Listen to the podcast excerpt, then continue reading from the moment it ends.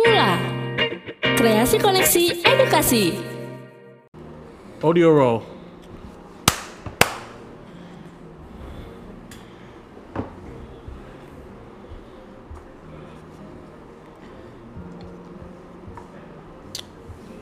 That's amazing. Alright. You good? I'm good.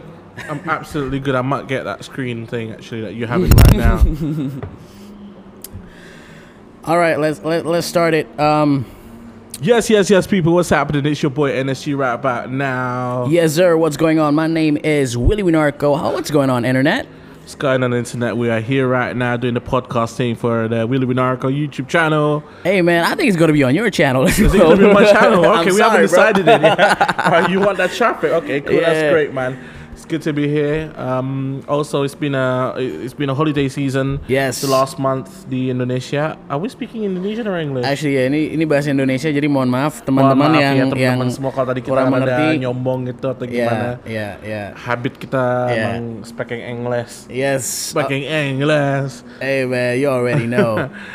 Jadi untuk hari ini kita bakal ngobrol-ngobrol di sebuah podcast yang baru banget kita bikin kemarin namanya Bedroom Producer Podcast. Yes, bedroom producer podcast. Yes, kalau kenapa kita ngom uh, bikin kayak gitu? Because right now I'm with this guy named NSG, and he's made so many hits in his own bedroom. Uh, like, how many people, like, how many artists did you make like songs for that you did on your bed, bro? Not just my bedroom, but their bedroom as well. Di bedroomnya mereka juga, atau di rumahnya mereka juga Ah, sih. ah. Gue sangat nyaman sekali dengan the concept of uh, mobile recording. Like I think. Okay. mobile recording is apa ya? It's it's lebih buat masa depan, you know. It's the future. Karena kalau buat gue sendiri kadang-kadang studio itu ngerasa rada intimidating ya. Ah. Mungkin gue dari generasi yang bener-bener kayak awal di awal dari home recording dan professionally work in home recording juga. Yeah, that's crazy. Uh, beberapa artisnya NSG, uh, Rini Wulandari lo bikin juga di rumah. Di ya rumahnya kan? dia, atau it was in his closet, so in, in her closet Yeah. with all her shoes, sepatu-sepatunya dia, baju-baju performnya dia, so that was. That was nice. Kita lagi puasa juga, jadi kayak environmentnya santai banget. gitu. Santai banget. Ada juga Hmm. uh, IDP waktu itu ya di hotelnya. No, kita di apartemennya dia, Oh di apartemennya, sama Zara Leola juga di di rumahnya di juga, rumahnya juga. gitu kan. And so we we know that you know being a music producer, being a musician sekarang it's so easy, you know with the equipment and everything, it's so cheap. Iya, Iya iya, nggak iya. sih? Menurut lo gimana kalau untuk musik industri musik Iya sekarang? nih? kadang-kadang kita kalau ujung-ujungnya harus fokus dengan nomor satu ya. It's like kalau dari aku like I'm working with a singer, the most Hmm. important thing itu adalah dapetin performance yang bagus. Nah, so Ah. far the only way that I know to work is working from home. Don't get me wrong, aku juga ada beberapa klien yang I work in the studio and it turns out good. You know, tapi emang fortunately kalau Uh-huh. kita ngomongin sejarah aku sendiri Uh-uh. dunia musik all the kind of like the records that are like pecah gitu tend to be from tempat yang nyantai gitu. Iya, Actually bener. from IDP ya waktu itu pernah kita liburan di Bali. Uh-huh. So we stay this- ada di villa gitu. Jadi kita Uh. bikin environment yang benar-benar santai banget. Iya. Dan kita dapat pokoknya dapat semuanya emosinya dapat kita dapat eh, karakternya and it was just nice, you know. Jadi kalau gue sih personally not everyone klien gue bisa gue convince untuk rekaman di rumahnya Hmm, mereka atau gimana karena mereka punya metode sendiri. Iya. But the ones that yang mau, ya kita nyantai-nyantai aja sih. Hmm. Biasanya yang pecah gitu ya. biasanya so far dalam 10 tahun gua hampir 10 tahun gua berkarir di Indonesia 10 di tahun berkarir di Indonesia awalnya Hampir, lo hampir. udah hampir ya. Uh, can, can you talk about like lo awalnya mu- uh, di musik tuh kayak gimana? Like the first time that you did in Indonesia. Well, gua dulu sempet kerja di UK. I work for a company called Activision. Di Yeah. situ gue bikin komputer game namanya DJ Hero. Mhm. Uh, gue kerja di sana selama tiga tahun. Gue pas di Inggris, gue juga gue kuliah di Inggris. Mhm. Gue ngambil S1 musik. Emang gue hidupnya totally for music, man. Mm. Yeah. and and then one day I decided, you know, Indonesia is such an uh, seru banget Indonesia. Yeah. Banyak orang pengen keluar, tapi kalau menurut gue Indonesia is very exciting karena banyak perubahan. Ah. Banyak perubahan. Kayak sekarang ada Backcraft dan kita ngeliat ekonomi maju terus, you know, dari gue datang sekarang Hmm. sampai ada Gojek lah, sampai ada Tokopedia lah, sampai ada MRT lah. So progress di Indonesia tuh enak banget dan gue ngerasa gue bisa di sini lebih adventurous dengan karya-karya gue dibanding gue di Inggris sih. Dan ini juga negara gue sendiri. Iya so- bener itu enak-enaknya karena ini Yeah. rumah lo sendiri. Yeah, terus I mean, juga, I think yeah, it's it's it's being part of change ya, karena perubahan kan like it's happening all the time. Eh, that's Gitu. true. Dan dan itu itu seru sih menurut gua, seru banget. keren keren keren. Once kalau negara maju ya mereka udah maju ya udahlah ya. Ya sistemnya udah jadi ya. semuanya sistemnya udah ada, Yes. undang-undangnya udah oke, Yes. lo udah pasti kayak dapat. Cuman kalau di sini it's more eksperimental gitu kan. Yes, masih masih masih kita bentuk, masih bisa uh, kita uh, ya eksperimen. Hmm, kalau industri musik Indonesia berarti menurut lo lebih apa ya, lebih cemerlang gitu ya untuk uh, iya sih, ke depannya. apalagi sekarang dengan dunia digital gini kita juga ngelihat Hmm. kayak streaming itu adalah sesuatu yang borderless, nggak ada itunya ya, nggak ada Hmm. limitationnya ya, karena lu ngeluarin lagu, it's automatic is an international single. That's kayak- true, ya ya. bener juga. Iya, lo lo ngeluarin di musik di Indonesia. Kalau zaman dulu kan Ya. ya udah di Indonesia Obviously aja. ya dalam hal tertentu hal tertentu juga kayak you can't you know the reality emang kayak ya kalau misal lu pingin touring ya mungkin is better outside atau gimana Hmm. tapi as a starting point dan kita ngeliat human resource-nya juga di sini dengan populasi kita dan also kultur yang terekspos di Indonesia I think opportunity di dunia musik di Indonesia itu sangat besar Is huge. so many amazing talent di Big. Indonesia Gila sih itu keren banget. Definitely, definitely. Makanya gue kayak ngerasa, oke, I'm not missing out anything in the UK. Uh, it's there already, dan it's yeah, it's exciting here. Dang, yeah man, as a producer, 10 year almost 10 years di Indonesia, tapi as a producer dari sebelumnya pas lo di Inggris tuh udah berapa lama Just jadi? like uh, empat empat lima tahun sih, just like you know, being an indie talent, Ah. performing in like uh, you know uh, local venue, sama Hmm. uh, being part of the underground scene. Dulu kan gue ngeband juga, so Jadi lo ngeband juga, dan juga part jadi- of the early people yang benar-benar bikin viral YouTube video. Know, the Yeah. early the early YouTube kayak you make uh, video konten gitu dan Yeah. gue Yeah. juga oh, yang pertama itu in 97 98 What? gue ngendorse ngendorse uh, dulu ngendorse Launchpad, ngendorse produk-produk musik gitu juga sebelum zaman Instagram ada gitu gitu gue udah gue udah endorse endorse produk di YouTube gitu. Yo, jadi di zaman dulu itu OG Yeah. gitu juga tuh. OG. 0708 so that's like Yo. 11 years ago Wow, 11 years ago you were Yeah, on the man. launchpad, bro. Itu sebelum Adeon berarti. Iya sebelum Madiun, dua tahun sebelum Madiun. oh, that's crazy. Saya Madiun emang keren banget sih. Gokil, gokil, gokil. So that's that's your background, just being a producer and, Yep. and being in music and Being a everything. musician. And so uh, lo emang dari dulu jadi produser apa lo pernah jadi artis gimana tuh? Ya dulu emang pernah jadi artis ya, Hmm. like just underground really. And, Oke. And you know punya unique karena like electronic vibe. Hmm. Dulu gue nyampurin like urban pas zamannya masih kayak zamannya Tayo Cruz. Yeah. Zamannya R&B R&B nyoba-nyoba nyentuh-nyentuh elektronik elektronik gitu. Yes, yes. Nah itu gue zaman zamannya gue dulu gitu sih. Masih Kid Cudi, Kid Damn, I love Kid, Kid Cudi, Cudi, bro. terus juga zamannya uh, uh, uh, ya masih kayak elektronik elektronik masih baru-baru masih Yes.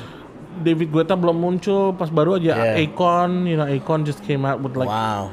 like electropop electropop gitu Lady Gaga Wow. baru keluar gitu so Gila sih. itu generasi gua sih that's Gig. like that's where where where I came through itu ya The the the uh, apa ya late 2010s gitu ya bisa dibilang ya. ya ya ya That's dope. And so, um, just being a producer, right? Kalau hari ini mungkin kita pengen ngambil tema ya. Uh, sebagai seorang musisi juga gitu, gue merasa there's a stigma di Indonesia yang ngerasa kayak penghasilan produser musik atau lo jadi seorang musisi itu tidak bisa mencukupi atau menafkahi hidup lo sendiri.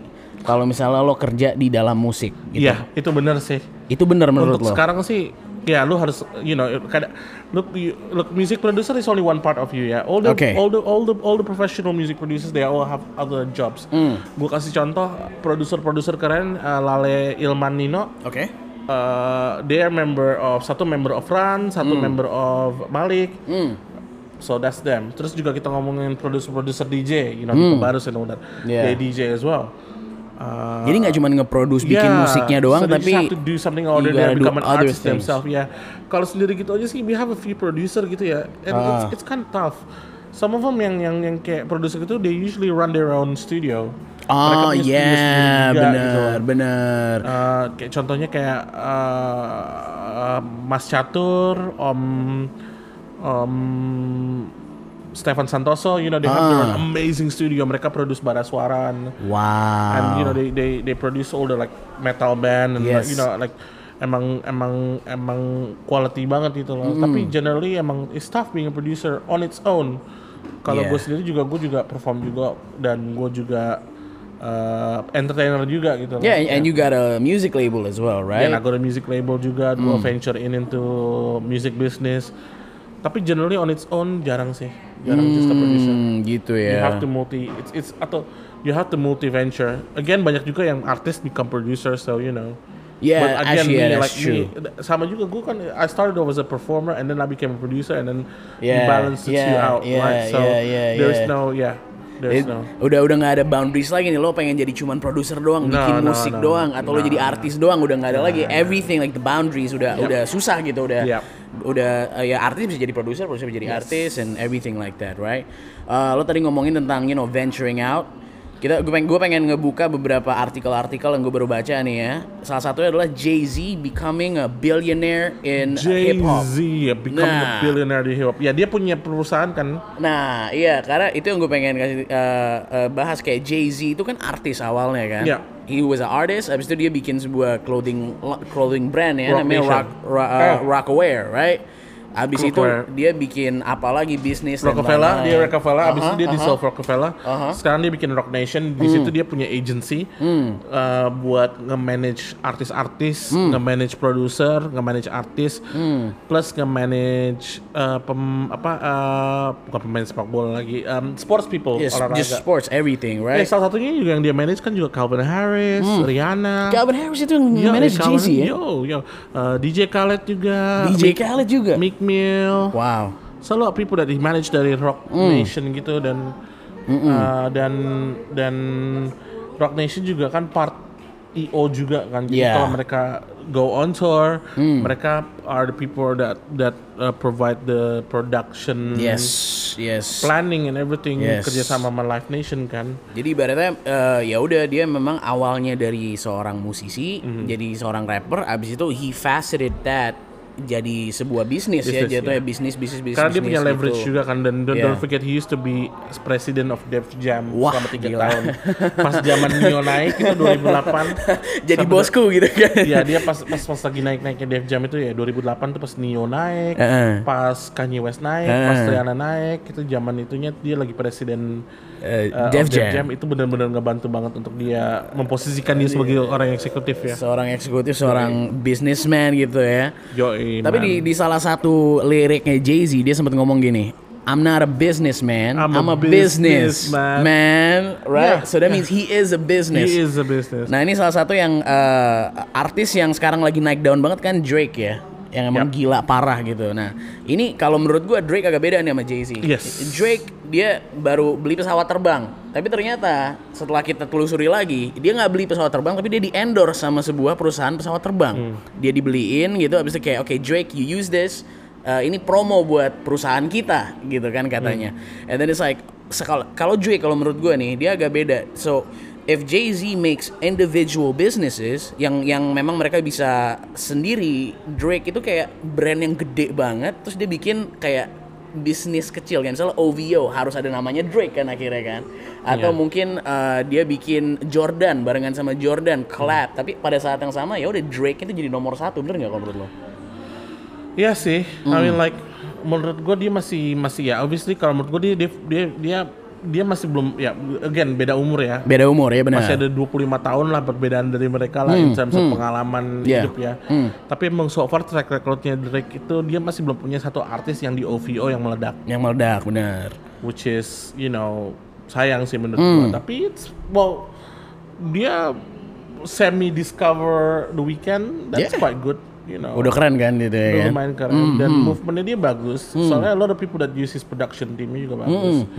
Kayak but ya itu aja sih, butuh butuh waktu aja sih. Butuh waktu gitu Tapi ya. I think at the moment dia mendingan fokus just being an entertainer aja sih. And then let, Ah. let his team do his like OVO stuff on the side. Yeah, Tapi emang yeah, yeah. emang everything is just depending on him ya. Karena Benar. he's, he's young. He's young. He doesn't need to be a boss or anything. Bener. He just needs to be an entertainer karena the demand is for him.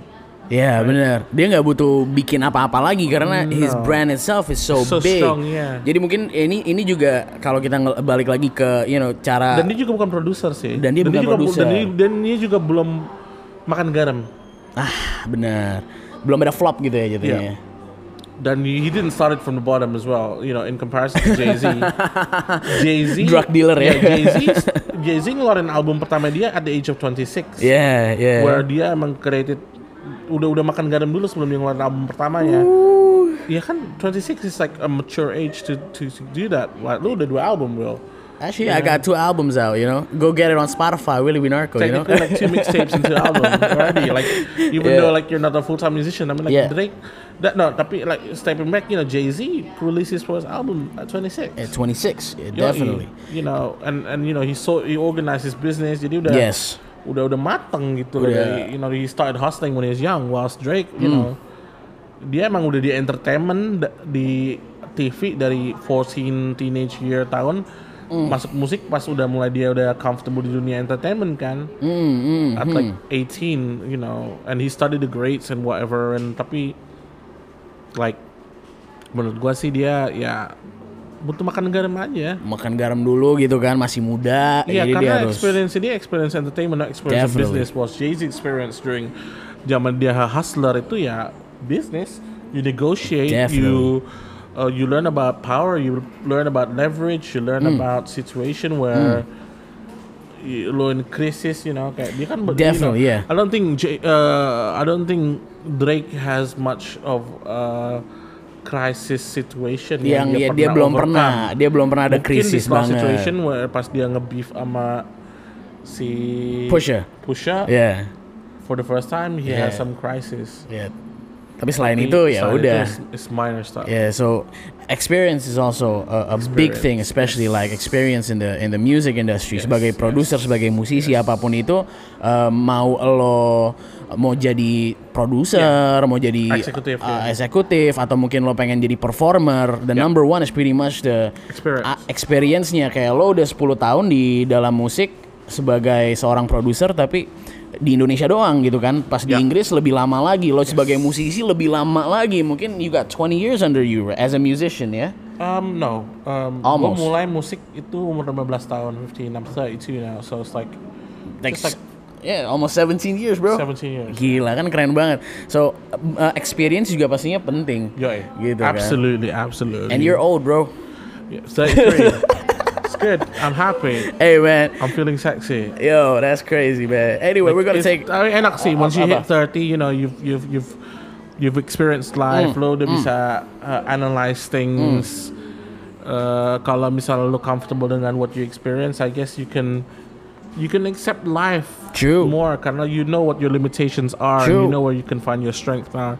Hey. Dan um, kayak I'm discovering new new love for for artist development. Iya like, kan pengen ngebikin artis, bukan Yeah, cuma ngebikin musiknya yeah. doang, Bukan tapi gua juga yang tampil tapi Iya. juga I'm trying to create create like a environment where uh, orang-orang yang di keliling gue bisa uh, shine. Okay, man. Kita bakal break dulu. Uh, after this, we're gonna talk more about being a producer with uh, NSG Yes. and, and Willie Winarco. So don't go anywhere. The Bedroom Podcast Producers.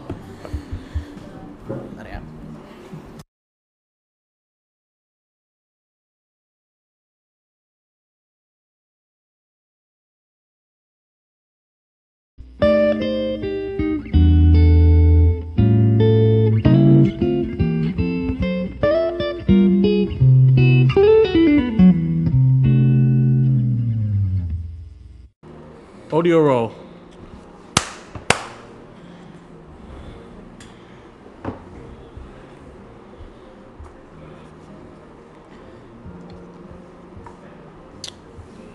That's amazing.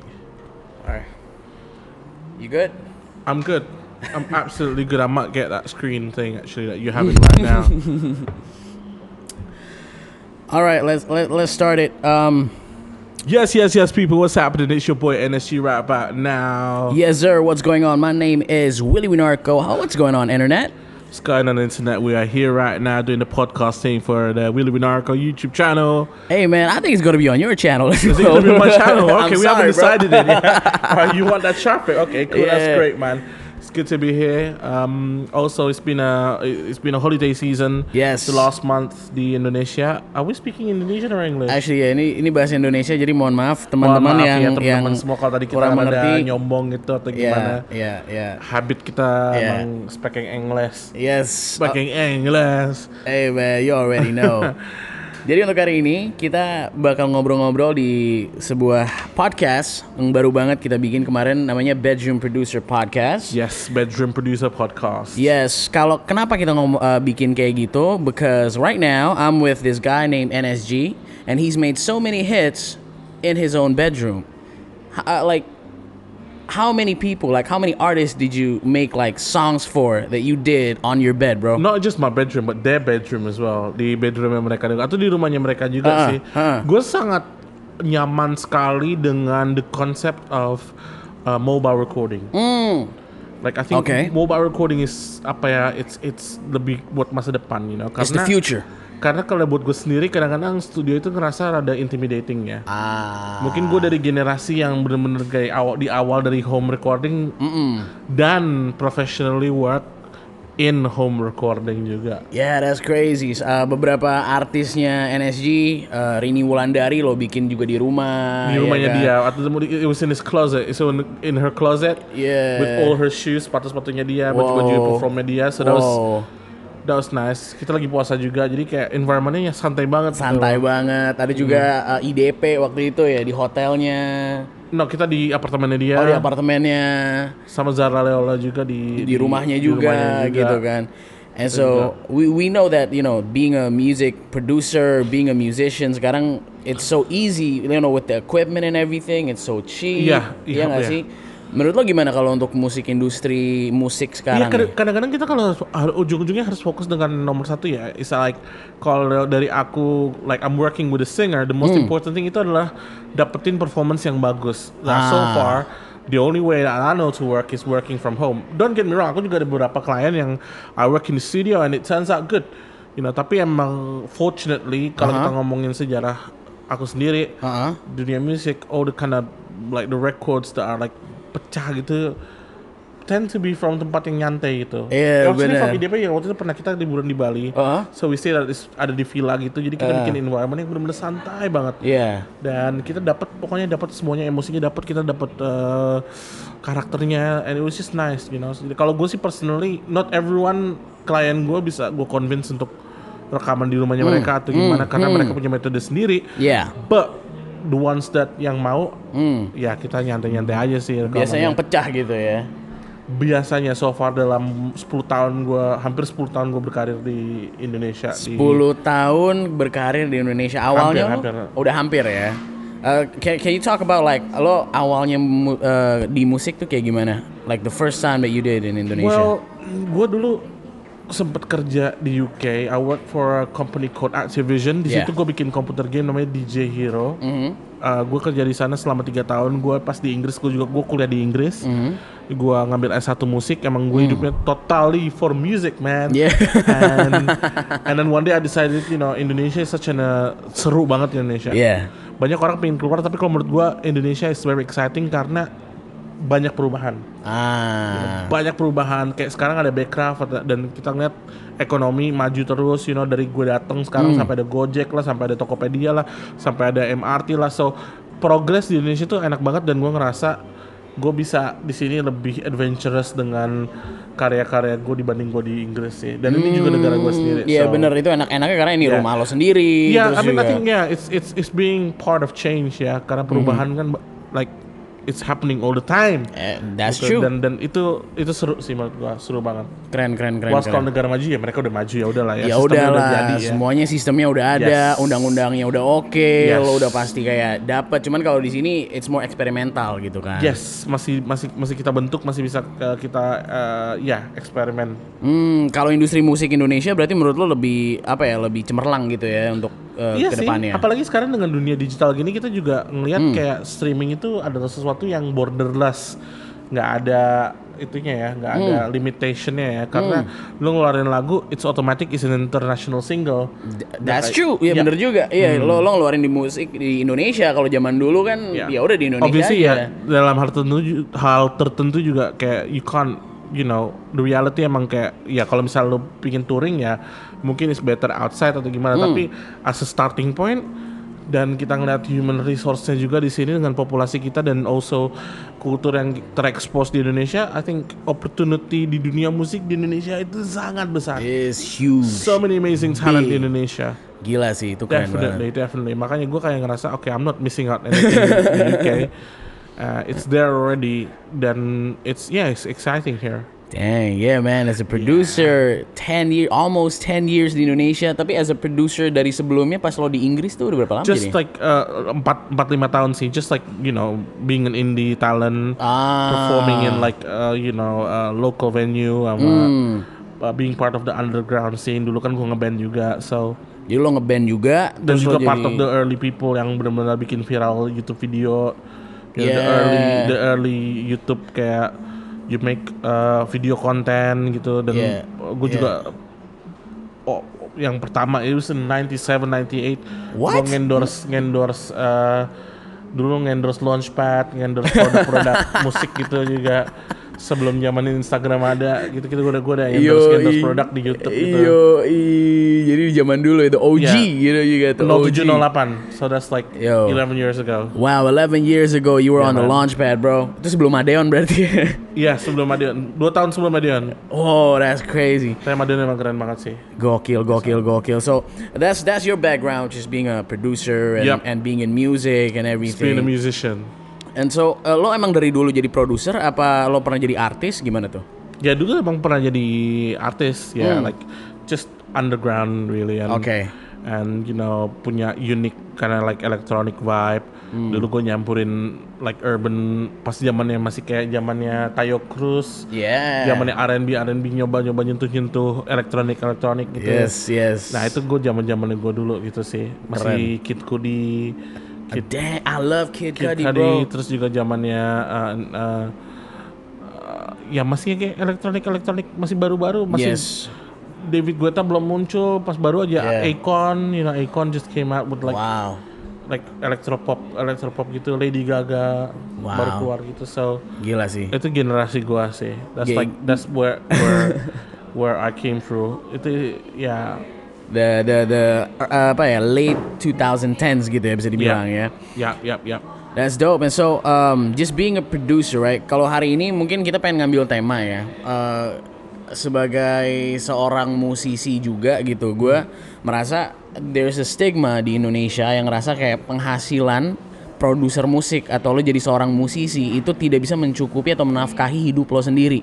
Kalau misalnya lo kerja di dalam musik, gitu. Iya, itu benar sih Itu benar menurut untuk lo? sekarang sih ya lu harus you know kadang look you, look music producer is only one part of you ya all the Okay. all the all the all the professional music producers they all have other jobs Hmm. gue kasih contoh produser-produser keren uh, Lale Ilman Nino Oke. uh, they are member of satu member of Run satu member of Malik Hmm. so that's them terus juga kita ngomongin produser-produser DJ you know all that Hmm. Yeah. they DJ as well Uh, Jadi nggak cuma nge-produce bikin Yeah, musiknya doang, so tapi have to do something other than become an artist things. themselves. Ya, kalau sendiri gitu aja sih, we have a few producer gitu ya, and Ah. it's, it's kind of tough. Some of them yang yang yang kayak producer gitu, they usually run their own studio. Oh sendiri juga, gitu bener, loh. bener. Uh, kayak contohnya kayak uh, uh, Mas Catur, Om Om Stefan Santoso, you know they have their Ah. amazing studio. Mereka produce bara suaran Wow. and you know they they they produce all the like metal band and like, Yes. you know like emang emang emang quality banget gitu loh. Tapi generally emang it's tough being a producer on its own. Kalau Yeah. gue sendiri juga gue juga perform juga dan gue juga uh, entertainer juga gitu loh. Yeah, and, and you got a music label as well, right? Yeah, I got a music label juga, gue venture in into music business. Tapi generally on its own jarang sih, jarang just a producer. Hmm, gitu You ya. have to multi, it's it's atau you have to multi venture. Again banyak juga yang artis become producer, so you know. Yeah, actually, yeah, that's true. me, sama juga gue kan I started off as a performer and then I became a producer and then Yeah, you balance it you yeah, out, yeah, right? So yeah, yeah, there's yeah. no, yeah, there's It- no. udah udah nggak ada boundaries lagi nih lo pengen jadi cuman produser doang No, bikin no, musik no, doang atau lo no, jadi no. artis doang udah nggak ada lagi everything like the boundaries udah Yep. udah susah gitu udah Yep. Udah uh, ya artis bisa jadi produser produser bisa jadi artis and everything like that right Uh, lo tadi ngomongin tentang you know venturing out Kita gue pengen, gue pengen ngebuka beberapa artikel-artikel yang gue baru baca nih ya. Salah satunya adalah Jay-Z becoming a billionaire in hip hop. Jay-Z ya become Nah. a billionaire di hip hop. Ya dia punya perusahaan kan. Nah, iya karena itu yang gue pengen kasih uh, uh, bahas kayak Jay-Z itu kan artis awalnya kan. Iya. He was an artist, habis itu dia bikin sebuah clothing clothing brand ya Rock namanya Nation. Rock uh, Eh. Rockaware, right?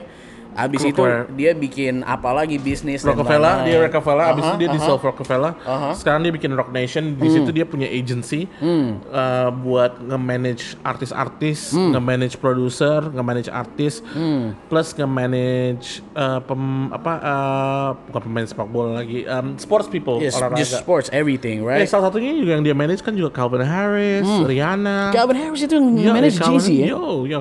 Uh, DJ Khaled juga. DJ Khaled juga. Meek Mill. Wow.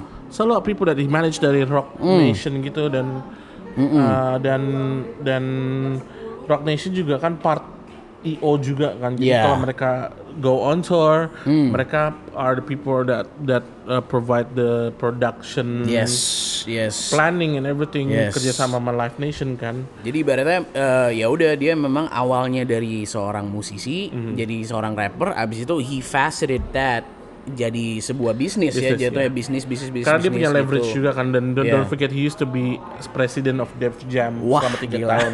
Pas zaman Neo naik itu 2008. jadi bosku gitu kan Iya dia pas pas pas lagi naik naiknya Def Jam itu ya 2008 tuh pas Neo naik, pas Kanye West naik, pas Rihanna naik, itu zaman itunya dia lagi presiden uh, Def of Jam. itu benar-benar ngebantu banget untuk dia memposisikan dia sebagai orang eksekutif ya. seorang eksekutif seorang businessman gitu ya Yoi, tapi man. di di salah satu liriknya Jay Z dia sempat ngomong gini I'm not a businessman, I'm I'm, a a business businessman." man, right? Yeah, so that means he is a business. he is a business. Nah ini salah satu yang eh, artis yang sekarang lagi naik daun banget kan Drake ya, yang emang gila parah gitu. Nah ini kalau menurut gua Drake agak beda nih sama Jay Z. Yes. Drake dia baru beli pesawat terbang, tapi ternyata setelah kita telusuri lagi dia nggak beli pesawat terbang, tapi dia di endorse sama sebuah perusahaan pesawat terbang. Dia dibeliin gitu, abis itu kayak oke Drake you use this, eh, ini promo buat perusahaan kita gitu kan katanya. And then it's like kalau Drake kalau menurut gua nih dia agak beda. So if Jay-Z makes individual businesses yang yang memang mereka bisa sendiri, Drake itu kayak brand yang gede banget, terus dia bikin kayak bisnis kecil kan, misalnya OVO harus ada namanya Drake kan akhirnya kan, atau mungkin uh, dia bikin Jordan barengan sama Jordan collab, tapi pada saat yang sama ya udah Drake itu jadi nomor satu, bener nggak kalau menurut lo? Iya sih. I Hmm. mean like menurut gue dia masih masih ya obviously kalau menurut gue dia dia dia dia, dia masih belum ya again beda umur ya. Beda umur ya benar. Masih ada 25 tahun lah perbedaan dari mereka lah in terms of pengalaman Yeah. hidup ya. Hmm. Tapi emang so far track recordnya Drake itu dia masih belum punya satu artis yang di OVO yang meledak. Yang meledak benar.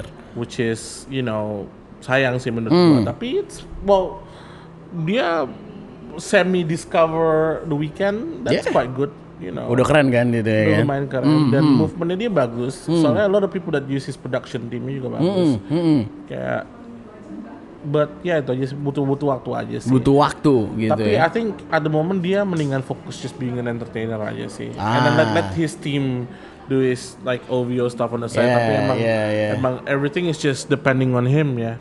Benar. Karena he's, he's young. He's young. He doesn't need to be a boss or anything. Bener. He just needs to be an entertainer karena the demand is for him. Ya benar. Dia nggak butuh bikin apa-apa lagi karena his No. brand itself is so, So big. strong, yeah. Jadi mungkin ini ini juga kalau kita balik lagi ke you know cara Dan dia juga bukan produser sih. Dan dia bukan juga, bu- produser. Dan dia, dan dia juga belum makan garam. ah benar. Belum ada flop gitu ya jadinya. Iya. Dan he, didn't start it from the bottom as well. You know, in comparison to Jay Z. Jay Z. Drug dealer ya. Jay Z. Jay Z ngeluarin album pertama dia at the age of 26. Yeah, yeah. Where dia emang created udah udah makan garam dulu sebelum dia ngeluarin album pertamanya.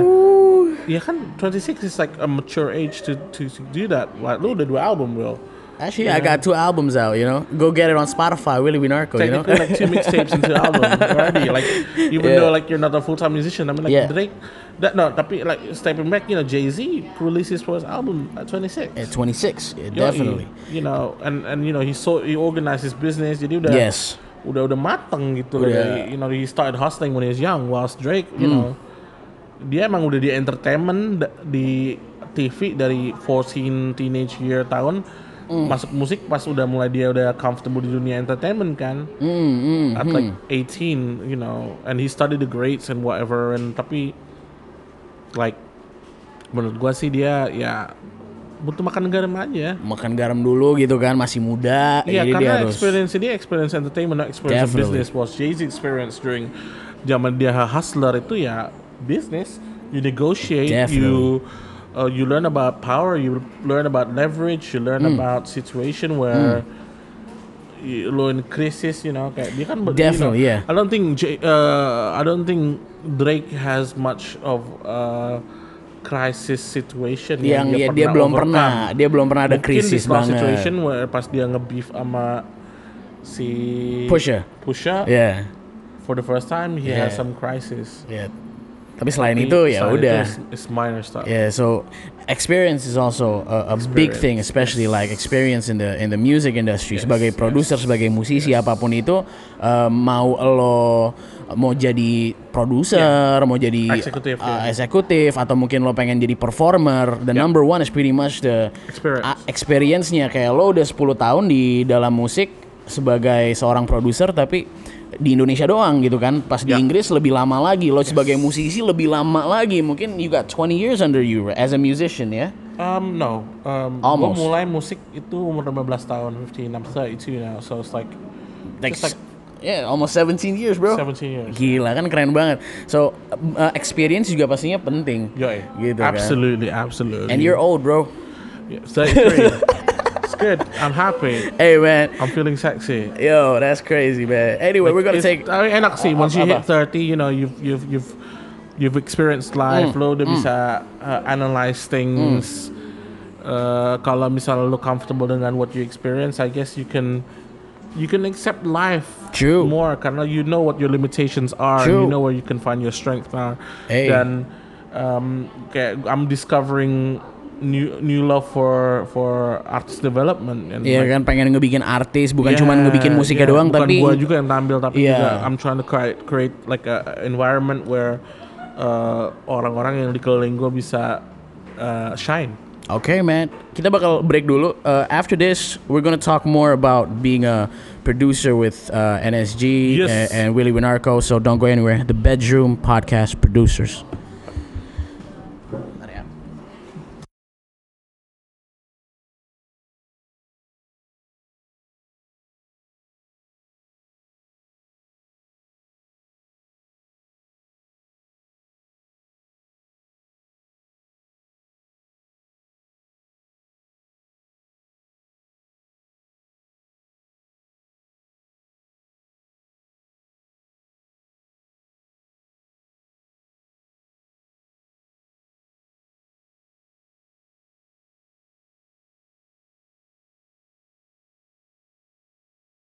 Never mind.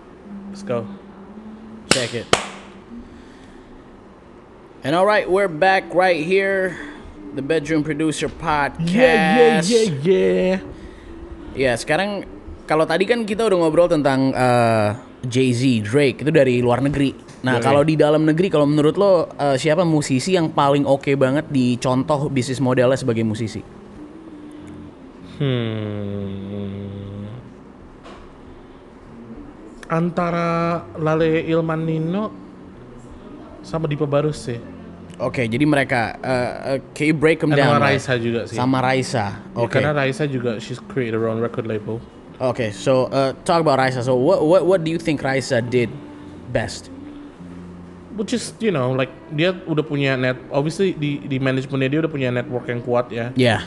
They've got Baraswara, in their Baraswara, management, so you know they can utilize their extensive network to market their own Artis, artists. ya. So I think salute to them. And uh, sekarang juga ada Kunto Aji juga, Hmm, ya benar. Juni Records ya. Junior Records. So you know I think they're they're they're, they're hitting it hard. Hmm. Jadi walaupun dia sekarang abis hamil, cuti panjang, tapi dia tetap punya artisnya, Yes. tetap punya, you know. Yeah, the- the- the- that business looks amazing. Hmm, Dipa's got this event Pon Pon Your Tone yang Yeah. kadang-kadang suka kerja sama sama uh, Telco. Yeah, yeah, and that yeah, looks yeah. pretty good as well. I mean, Uh-huh, like you know, I think the events are great. Yeah. for for Jakarta. Hmm. Hmm. Uh, kalau Lale Ilmanino sih, it's just their their their radio. They have perfect radio records. Ah, And yeah. musiknya mereka have a lot of integrity. Hmm. It's a lot of quality dan juga Hmm. Uh, you know based on their experience juga di entertainment, you know, they- Hmm. musikalitas kuat sih. They have a strong musicality. Jadi Dan ka- gaul dan gaul juga dan anak muda juga. So mereka nggak takut untuk ya, keluar ya, being outgoing gitu ya. yeah, and, ya. and have a huge huge vocabulary in the musicality aja sih. Hmm. Dia like, mereka musisi sejati banget. Mereka they play crazy chords and like crazy drum rhythms Iya, and iya, iya, iya, iya. that that come across really really strong. Bener sih, kayak jadi kalau kalau dari yang tiga itu, yang satu bikin event, yang satu bikin record label, yang satu lebih kayak musisi banget gitu ya. Just quality records aja sih. Quality as well. Just quality records Hmm. yang bener-bener respect the hook, respect the pop sound dan chord-chord yang dahsyat. Hmm. Kalau musisi sendiri biasanya how do they uh, what are their streams of income? Kalau misalnya tadi kan kita bilang Drake, Jay-Z, they got businesses. Uh-huh. Mereka dari tour. Kalau di Indonesia sendiri, uh, what is the biggest income yang yang bakal didapetin dari musisi? Eh, biasanya sih kalau dari produser ya their production fee, Hmm. advance-nya mereka kalau misalnya mereka nulis lagunya, Oke. and ya and the side project. Dan side project side project kecil Ya. gitu ya. There's no one particular venue karena tetap aja sih kalau menurut gue sih the side project yang apalagi yang it's got to do with live performance, Aha. manggung itu I think that's gonna be strong. Ah, oke. So, Hmm. kalau production fee sendiri ya, kalau yang uh, selama ini lo lihat dari berbagai produser, how much is that really gonna like in terms of numbers ya? Berapa menurut lo? Tergantung aja sih anak baru bisa Oh. dari 5 sampai 7 juta untuk produce, arrange, produce, mix to 25 to 30 depending on their experience. Really. Yeah, Uh, yeah, yeah. and depending on how you negotiate as well. You know, kalau gue sendiri sih biasanya gue kalau misalnya ngejual album atau gimana it's cheaper than per lagu atau Ah, jadi gimana. jadi di di kalau di keteng lebih lebih lebih mahal, tapi kalau misalnya lo Yes, beli paketan bundle lah. paketan gitu kan, akhirnya Again, jadi ya, lebih murah. Ada macam-macam juga, ada yang cuma arrangement doang, ada yang arrangement and mixing. Hmm. Ada kalau kalau gue pribadi sendiri uniknya gue di industri sini gue bisa all in. Hmm, Jadi dari music production, songwriting, mixing, recording, vocal directing, Hmm. uh, mastering, udah gitu. Biasanya itu semua dipotong-potong gitu loh. Oke, oke, oke. Usually people like budgetnya ini, ini ini semuanya generally all in gue bisa which is that's what happened with Rini that's what happened with client gue Zara Hmm, you know and a lot of the most of the time is like that you know all in paket Oke. Kalau artis sendiri, em, kalau ini gue gua nggak baca dari cnbcindonesia.com ya, dari mana para musisi hasilkan uang. Ini artikelnya kayaknya eh, dia ngambil dari luar negeri terus ditranslate Yes. kan ya. So kalau dari luar, the number one thing is touring, penampilan langsung, live, ya. performance. Oke, is sama that, is that true? Indonesia berarti ya Oke, berarti sama ya di Indonesia juga sama. Berarti the off air, uh, Live manggung, performance, live ya. Itu- itu performance, nggak akan mati sih. nggak akan mati karena itu apa ya? Itu uh, Itu dagingnya gitu ya. the beras dan dagingnya, like, lo bisa manggung apa enggak you know like how you are di panggung on stage the way you communicate to your fans that's that's what it's all about sih becoming a musician it's for that gitu buat manggung That's crazy. Alright, so the first one is probably live performance. Uh-huh. Yang kedua kalau di sini adalah music streaming. Menurut lo bener nggak? kayak di Indonesia musik streaming nggak belum sih karena Belum ya? there's not enough people putting advertising money in streaming Oh gitu, oke. and not enough people uh, use this mereka pakai yang free subscription Hmm, so I guess the streaming value buat kita masih belum. Belum setinggi di luar. Kalau di luar itu memang streamingnya lebih karena mahal. iklannya kompetitif. Sama ngerti juga. jadi kalau it's like kayak Google bisnis model Google Facebook atau gimana iklan kan kompetitif kan ya iklan. They they're fighting for your space Hmm. untuk ngelihat iklannya gitu whether lo YouTube atau apa lo mau beli sampo lah jual apa kalau di kita tuh masih lumayan baru gitu Ah. ya tapi it's it's rising kalau di sana itu udah udah compete gitu loh jadi, Oh. jadi untuk mengambil satu slot iklan misal di Spotify itu pilihannya itu kayak ada lima iklan apa gitu lah iklan apa Ah, kalau kita kalau kita di Spotify kan kalau yang gratis iklannya apa iklannya Spotify Iya. Kalau nggak iklannya Spotify, iklannya lagu yang di Spotify. Iya, So benar. it's still like, you know, kalau lo di luar, iklannya bisa insurance mobil, bisa mobil Oh. BMW, bisa apa. So there's, so that satu stream value-nya lebih kuat gitu loh. Jadi di Indonesia satu Yes. stream, satu views is not as powerful as Oh it can be. gitu. Yoi. Jadi jadi ini ini ini lucu juga nih. Ini so kita ngelihatnya dari sisi iklannya ya. Kalau di luar sana iklannya bisa lima lima perusahaan pengen satu spot iklan di Yes. Spotify gitu Yes. kan. Tapi kalau misalnya di sini belum tentu harus masih dicari-cari siapa nih Masih, yang mau uh, ngiklan di Spotify gitu atau di uh, Joox atau yang Yes. kayak gitu-gitu. Oh. Buat yang gratis. Buat yang gratis. Ya kalau yang bayar juga masih dikit banget. Ya kalau yang bayar pasti udah dapat dari langsung Dari bayaran bayaran itu kan jatuhnya. Yes. Ah, oke. So see that's that's another insight ternyata Yeah. eh, memang iklan apa ya ke i- eh, kompetitifnya iklan itu ternyata ngikut iya. juga tuh sama pendapatan. banget, iya. Uh-huh. Oke, so itu streaming ya. Yang Tapi ke- kalau menurut gua sih Uh-uh. kalau di di sini endorsement sih di sini sih. kalau di sini endorsement ya, Yang mungkin untuk bisa lebih- paling besar. lebih besar daripada untuk certain artis endorsement dari brand itu bisa lebih besar daripada streaming sih. Endorsement tuh kayak dia jualan, dia jadi brand ambassador gitu ya. Ya, apalagi kayak ya kayak misalnya mau dia Yunda sama Pantene atau produk-produk beauty. Hmm. Eh, Isyana Afgan sama Randy Pandunggo itu sama Zilinggo ya. Ah iya, iya Ya, benar exactly, Mas fashion Zilinggo, brand, fashion fashion. website. Eh, Ran biasanya sama waktu itu Ran sama Paddle Pop, you know, es krim. Ah, es krim. So Oke. you know, that's that's huge money there, right? Yeah, yeah, yeah. That's that's big money is in uh, Yeah, man. live. Kalau kalau di Indonesia ya berarti ya, it's in live sama di uh, endorsement gitu kan. Yes. Tapi live tetap nomor satu sih. Live is number one. Gimana kalau uh, synchronization, sinkronisasi nih?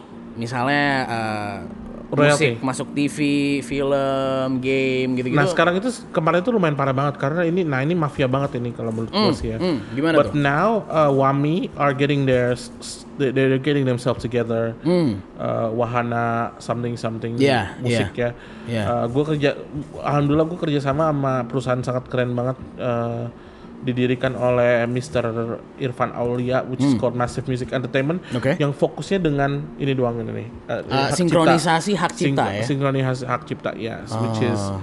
which is uh, lagi mulai naik gitu kayak sekarang ada label ada lu tahu ada label Aquarius Ya, Aquarius ya, Labelnya gue tahu. ada, dulu ada Melly Guslo ada, ada banyak lah pokoknya artis-artis gitu ya kalau nggak salah ada beberapa lagu dewa di situ juga mereka nggak punya artis yang kayak booming ya Ma- adalah satu lah BCL dah ya Ya. tapi itu pun juga mereka cuman kayak ngurusin musiknya doang tapi generally mereka bisa make so much money from synchronization dari katalognya Melly Ah, cuman dari Meli- satu doang. Guslo. Karena emang banyak banget ya dia. Ya karena ya. eh, karena karena kalau misalnya nah itu mereka juga nge-manage asetnya Meli juga bagus gitu apalagi Hmm. semenjak ada resurgence-nya AADC you know banyak Yeah. orang pakai lagu-lagunya AADC kan Lagu-lagunya, yeah. yeah exactly so I think I think eh, eh, musika bagus juga mereka Hmm. katalognya kan katalognya Yoki katalognya eh Krisha so Hmm, so kalau lagu klasik sih I think there's always opportunity aja sih tinggal apalagi you wanna digitize the Digitize well, semuanya kan. ya benar. Mhm.